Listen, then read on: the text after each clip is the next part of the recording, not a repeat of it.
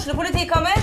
Ine Jansen er purk. Er du purk? The motherfucking bitch. Alt jeg vil, er å finne ut hva som skjedde med mannen min. Jon Carew. Er jeg sikta for noe? Iben Akeli. Det er du.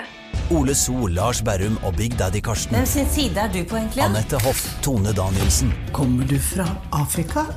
Jørnis Josef, Nesten. Kløfta. Trond Espen Seim, Det er synd å si det, men det var feil mann som døde. Purk. Premiere søndag på TV2 Play. Et godt råd fra Apotek 1. Nå er snart pollensesongen i gang, og et godt råd til deg som sliter med pollenallergi, er å begynne behandlingen i god tid før allergisesongen starter. Da får du nemlig enda bedre effekt av legemidlene, og så blir ikke våren din helt ødelagt. Kom innom og få råd på ditt nærmeste Apotek 1, eller chat med oss på apotek1.no. Apotek 1 vår kunnskap, din trygghet. Ukas annonsør er Fiken, og det er vi veldig glad for, Jim. Det er vi veldig glad for, Morten, for Fiken er jo dette programmet som gjør regnskap enkelt, og de bruker et språk som er forståelig selv for sånne som oss. Ja, det er nøkkelordet her, fordi jeg kan eksempel registrere kjøpene mine ved å ta bilde av kvitteringa med en app, og salgene mine ved å sende en faktura. Og så er nesten hele regnskapet gjort. Når f.eks. for eksempel skattemeldinga skal leveres, så er tallene automatisk fylt inn, og så blir jeg guida gjennom det hvis det er noe spesielt jeg må ta stilling til i mitt regnskap. Altså, det er så enkelt. Ja, og for oss som eh, kjenner deg, Morten, så er du jo ikke akkurat kjent for å være noen økonom, akkurat. Så eh, det her høres ut som noe som er midt i blinken for deg. altså, det har du helt rett i, Jim. For det første så liker jeg helst å bruke tida mi på annet enn regnskap, men eh, med fiken så, så kan jeg faktisk det også, med god samvittighet, for jeg vet at jeg blir tatt hånd om. Ja, og nå kan du som eh, hører på, også teste ut fiken helt gratis i 30 dager på fiken.no. Og hva pleier vi å si da, Jim? Det kan fortelle deg, Morten, for vi pleier å si vi har brukt fiken før. Og vi vil bruke fiken igjen. Og det gjør vi på fiken.no.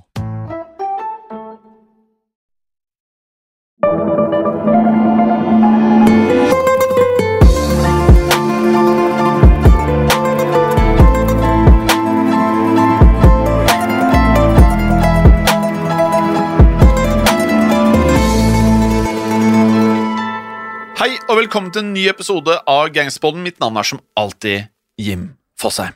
Og mitt navn er Morten Galaasen. Det er ikke det det alltid pleier å være. Nei, det pleier å være han der Henrik Fladseth, har jeg hørt. Eller ditt navn er alltid Morten Galaasen, men i denne podkasten Ja. pleier makkeren å være Henrik Fladseth. Nettopp. Men han uh, hadde andre ting å drive med. Ja, han har blitt uh, populær komiker eh, det siste året. Mm. Jeg har alltid vært populær, men eh, voldsomt mye greier. Ja. Ja. Han gjester mye podkaster, Mm. menger seg med kjendiser. Eh, andre ting som ikke er eh, bare omhandler gangsterbånd. Nettopp. Så da har jeg rett og slett blitt henta inn som eh, vikar for en Ja. periode. Ja. Så får vi bare håpe at han er tilbake om ikke altfor mange ukene, da. Vel, ja. Nei, han kan sikkert få en plass i fremtiden. Eh, for de av dere som nå hører på Gangsterbollen for første gang, eh, så er det jo ny programleder, men eh, det er også eh, steder hvor dere kan eh, følge oss på sosiale medier. Der vi heter Gangsterbollen både på Facebook og på Instagram. Og så er vi en del av eh, gruppen på Facebook som heter Historie for alle. Og den er jo jeg ganske relevant for også, med tanke på at vi har jo to podkaster sammen som også er en del av den gruppa. Nettopp, og de heter Historiepodden og Historiepodden WW2, eller andre verdenskrig. Ja, der vi prater mye om andre verdenskrig. Ja. Så hvis uh, dere som hører på nå syns at vi virker veldig komfortable med å sitte i studio sammen, selv om jeg bare er en uh, arve, arme vikar, Ja. uh, så er det fordi vi gjør det minst to ganger i uka gjennom året. Har du noe forhold til gangstere slash mafia? Jeg er veldig glad i eh, historier og bøker og filmer om, eh, om det. Mm. Eh, skal innrømme at Det har jo hovedsakelig handla om den sicilianske mafiaen og italienske italiensk-amerikanere spesielt. da, Gjerne irsk-amerikanere også, men det har vært begrensa til den for det meste. Mm. Litt mer internasjonalt snitt over denne podkasten her. Ja, det vil jeg si. Og uten noe ytterligere referanser, så har vi i vanlig historiebånden flere episoder i sesong én om Al Capone, Chicago-mafiaen. Eh, og det er litt forskjellig. Ja. Så um, ta gjerne en lytt der hvis dere mangler noe å høre på. Eh, I dagens episode så skal det handle om mitt andre hjemland, nemlig Greece. Ja, for du sier mitt navn er Jim Fosheim, Ja. men det er jo Jim Dimitrios Ja, ja, ja. Jeg heter Dimitri, det er mellomnavnet mitt. Mm. Ja. Eh, og vi skal da i dag se nærmere på gresk mafia og de mest kjente grekerne innen organisert kriminalitet.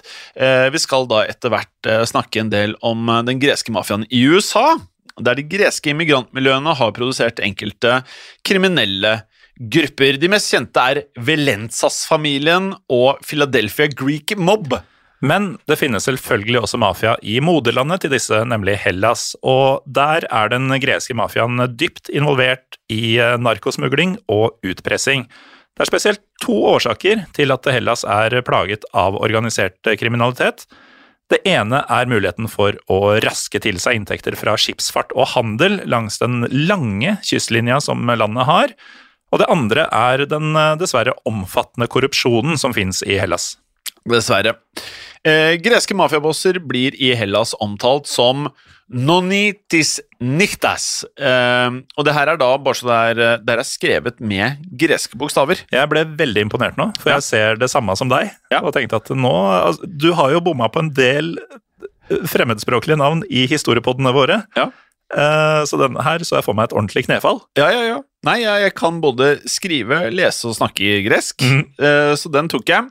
Uh, som da på norsk betyr nattens gudfedre. Og greske mafiagrupper opererer i stor grad som eiere av nattklubber, og driver da disse ulovlige virksomhetene eh, nettopp fra disse nattklubbene. Og I motsetning til siciliansk mafia den albanske mafiaen, så følger greske kriminelle grupper den samme strukturen som organiserte gjenger i spesielt Frankrike og Nederland. Um, slik at eh, fremfor store organisasjoner er grekerne organisert som små forbryterceller, vanligvis familiebaserte. Uh, ofte så samarbeider disse cellene, men ofte er de også i en indre konflikt. Ja, og det er rundt 200 mafiaklaner i Hellas, og gresk mafia de samarbeider som regel med serbisk, russisk eller albansk mafia når det gjelder narkosmugling. Den eh, greske mafiaen er sentrert i Aten, men det finnes også mange grupper i mindre byer og til og med i landsbyer. Og kriminelle klaner kan da stamme fra alle regioner i Hellas. Ehm, Klanene i de større byene er spesielt involvert i utpressing, heller ikke noe nytt her i Gangsterpodden. Smugling, heller ikke noe nytt. Eh, Men spesielt smugling av olje, det har vi ikke hørt så mye om. Hvitvasking av penger, det er en eh, klassisk greie her. Eh, Og også smugling av våpen og narkotika. Og så begår de også, som mange andre gangstere, drap. Eh, Kidnapping og våpenhandel er også utbredt, ofte i samarbeid med spesielt den albanske mafiaen. Ja, og ferieøya Kreta eh, er jo kjent for mye blant nordmenn, men i denne sammenhengen så er de kjent for å ha klaner som driver med dyrking og handel av marihuana, både på det nasjonale og internasjonale markedet. Og et eksempel på en mafiakontrollert eh, sone er landsbyen Soniana. Eh, Soniana er et kjent tilholdssted for eh, kretiske narkobaroner, som f.eks. Parasyris-familien. Den lille landsbyen har eh, 1600 innbyggere og ligger ca. 40 minutters kjøring fra Kretas hovedstad Heraklion. Har du vært på Heraklion? Jeg har faktisk aldri vært på Kreta. Nei, det var ikke det. Nei. Jeg er veldig turist, Det tror jeg på. men veldig fin. Det tror jeg også på. Ja, Og så er det jo litt eh, interessant historie der fra annen verdenskrig. Mm, og tydeligvis fra mafiahistorien. Også mye mafiahistorie. Og denne landsbyen som du nevnte, altså Soniana, eh, er blitt eh, mer eller mindre et lovløst samfunn utenfor de greske myndigheters eh, kontroll. For her dyrkes det da mariana i full åpenhet, og det er ikke noe politi å se, angivelig. Men flere ganger så har da gresk politi prøvd å gjøre bakholdsangrep på Zoniana for å da arrestere flere av mafiamedlemmene. Ja, i eh, 2007 så fikk tre politimenn kritiske skuddskader under et forsøk på å innta landsbyen. Og i 2011, altså fire år seinere, så prøvde politiet på nytt. Men det endte også i fiasko, og 50 politimenn fant en åker med cannabis, men bestemte seg for ikke å iverksette tiltak fordi det var et bryllup på torget i landsbyen. Så dagen etter dro politimennene ut på jakt etter åkeren, men da var det ingenting å finne. Nei. Mafiaen hadde da ødelagt eh, cannabisåkrene og etterlot seg heller ingen spor, slik at politiet omringet da landsbyen og søkte etter de ansvarlige. Og Sonianas innbyggere de begynte mm, rett og slett å da bue mot politiet, slik de da faktisk pleier å gjøre når politiet er på besøk. Og Politiet ble da etter hvert eh, oppmerksom på en mann med en Kalesjnikov i hånden, og den væpnede mannen prøvde da å rømme i en bil. Og det oppsto en skuddveksling der én politimann da ble såret. Og dette var egentlig ingen uvanlig hendelse, men eh, det skjedde noe som fikk oppmerksomhet i gresk presse. For da en av politibetjentene skulle arrestere denne mannen med kalasjnikoven, så ble betjenten slått ned av selveste politisjefen. Det er ikke bra. Det er ikke bra, og dette satte jo i gang en etterforskning som avslørte bånd mellom mafiaen og den lokale politiledelsen. Det er heller ikke bra. Ikke så veldig. Nei. Det er da med andre ord ingen tvil om at eh, mafiaen eh, er et problem i Hellas, men også i USA har greske kriminelle gjort seg bemerket. La oss nå bevege oss over til det de greske organisasjonene i USA, og vi nevnte to av dem i starten. Deriblant Philadelphia Greek Mob, lite overraskende, i Philadelphia, og Velenzas-familien, som holder til i New York City. Og begge disse gruppene skal ha hatt et eh, tett samarbeid med den italienske mafiaen. Alt dette etter en liten pause.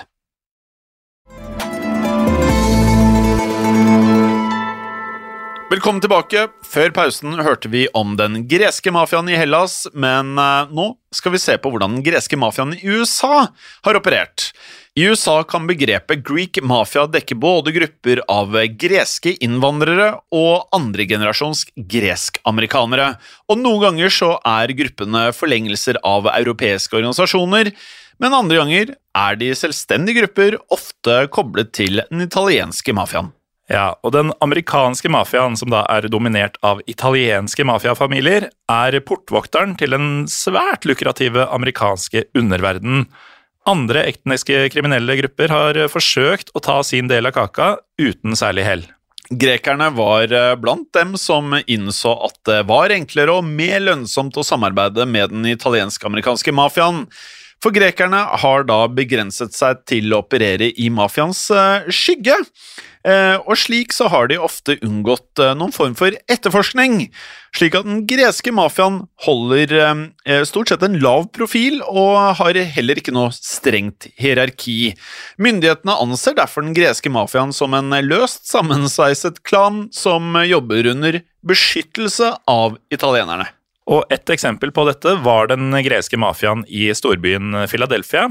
Her har The Philadelphia Crime Family eller bare The Philadelphia Mafia, styrt i flere tiår, og på 1970-tallet så var Angelo Bruno den ubestridte bossen i Philadelphia.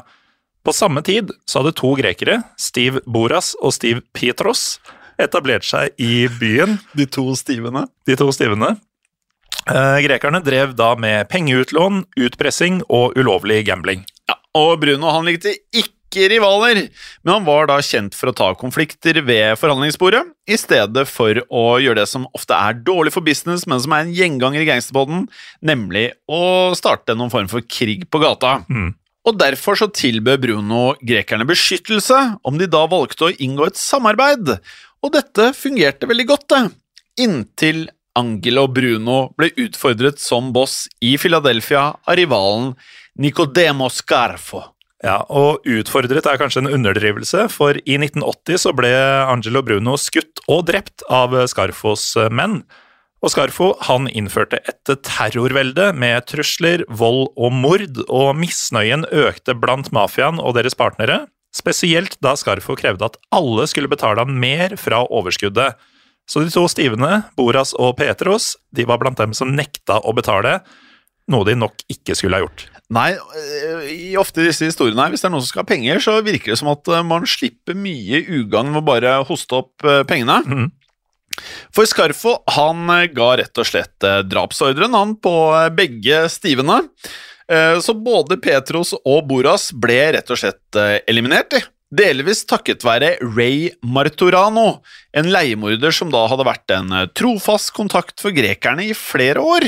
Og dette her er eh, heller ikke første gang vi hører lignende hendelse. Ofte så blir disse mafiafolka drept på vei inn og ut av restauranter, på restauranten, eh, på do i restauranten. Eh, og Boras han ble da drept på vei ut av en gresk restaurant sammen med kjæresten sin. Begge ble skutt og drept rett og slett på åpen gate. Eh, og dette drapet, i likhet med mange andre drap eh, innenfor mafiaverdenen, ble aldri oppklart, men eh, det sies at det da er Scarfo som står bak. I det minste så er han knyttet til det. Ja, og samme året som Boras ble drept, så brøt det ut full krig mellom Scarfo og hans rivaler i den italienske mafiaen.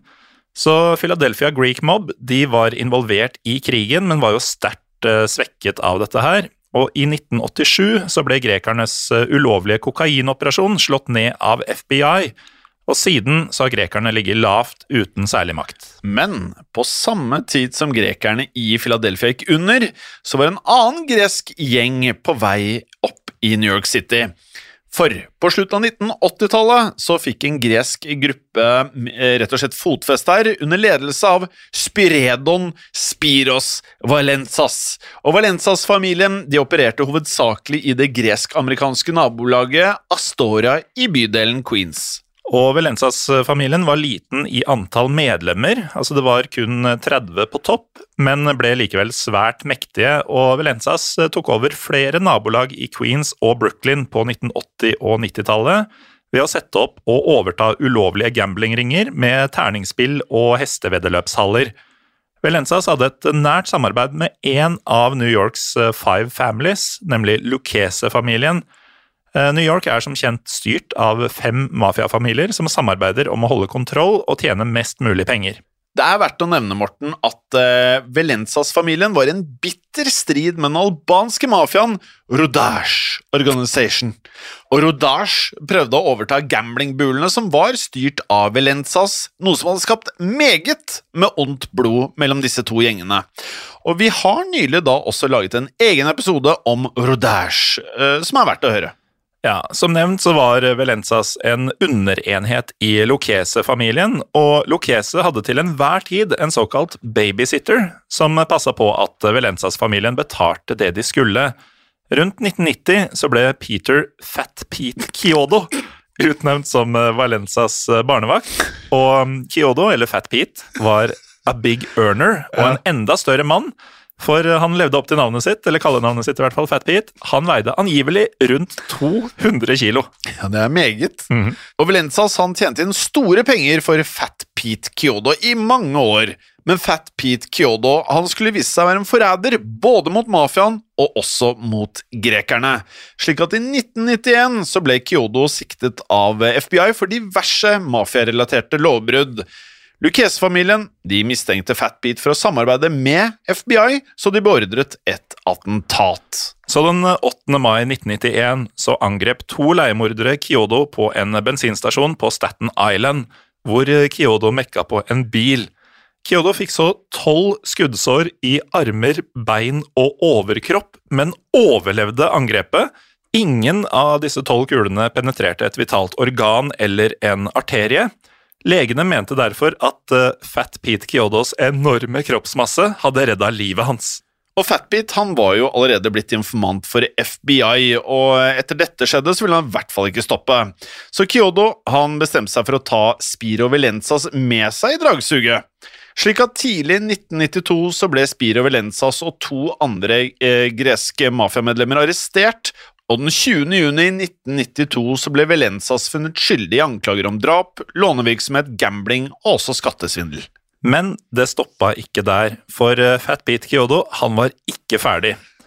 Kyodo vitna om at eh, Spiro hadde beordra drapet på en mafia ved navn Sammy the Arab Nalo, og mange mener fremdeles at dette var ren og skjær løgn, og at det var Fat Pete selv som sto bak drapet for å kvitte seg med rivalen The Arab Nalo. Uansett, vitnemålet fra Kyodo førte til at Spiro Velenzas ble dømt til fengsel på livstid. Ja, Spiro Valenzas eh, soner faktisk for tiden sin eh, livstidsdom ved Allenwood-fengselet i Pennsylvania. Og Valenzas-familien raknet mer eller mindre totalt som følge av at eh, lederne ble arrestert og sendt bak lås og slå. Albanske gjenger tok da over familiens gamblingbuler i Queens-området. Og vi kan jo ikke snakke om eh, den greske mafiaen, Jim, uten å nevne dem fra The Wire sesong to, hvor da den mystiske bossen The Greek og underbossen Spiros Vondas Vondopoulos hevdes å være inspirert av eh, Velenzas-familien. Og jeg mener å huske at eh, det på et seinere tidspunkt i The Wire at det blir nevnt at han er ikke gresk i det hele tatt. Nei, Jeg tror det er tilfellet, ja. Mm. Og dette er jo relativt nytt for deg, Morten, men hver eneste uke så har Fladseth og jeg en uh, ny eh, gangsterlåt. Oh. Ja. Og dagens låt er fra rappgruppen Zondani Nekri, som eh, brakte gangsterrap til Hellas på slutten av 1990-tallet, og låten er Meralos Iroas. Hva betyr det? Eh, Zondani Nekri betyr levende døde. Eh, og Meralos Ireoas Jeg vet Merallos betyr stor. Ireoas vet jeg faktisk ikke hva det betyr. Mm. Så eh, hvis det er noen andre grekere som hører på dette her, eh, hjelp oss gjerne med å forstå hva det betyr. Levende døde er et ganske hardt eh, bandnavn. Ja, det er hardt. Mm. Det er veldig hardt. Eh, og med det så har vi da pratet om eh, en liten sånn kuriositet om eh, gresk mafia generelt. Mm. Følg oss veldig gjerne på Instagram og på Facebook, der vi heter Gangsterpodden, og rate oss veldig gjerne på Spotify. Gjør gjerne det. For det er jo mulig nå. Ja, det er mulig nå. Ja. Det er nytt av året, vet du. 2022. Nye tider. Det er nye tider. Eh, også i Gangsterpodden så har vi eh, noe vi sier på slutten, litt annerledes enn i Storepodden. Mm. For da skal jeg si denne gangen, som Fladseth vanligvis sier, hold deg unna fiskene. Og keep it gangster. Veldig bra. Mm.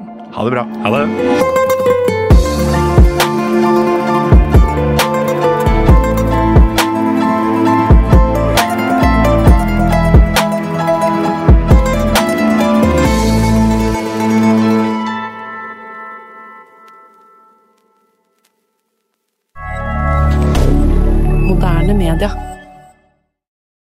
Kiwi er billigst i VGs matbørs og har vært billigst i fire av de fem siste VGs matbørser.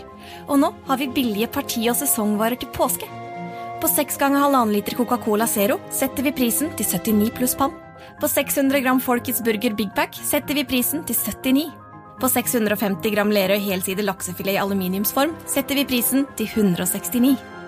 For det er vi som er prispresserne. Og vi i Kiwi gir oss aldri på pris.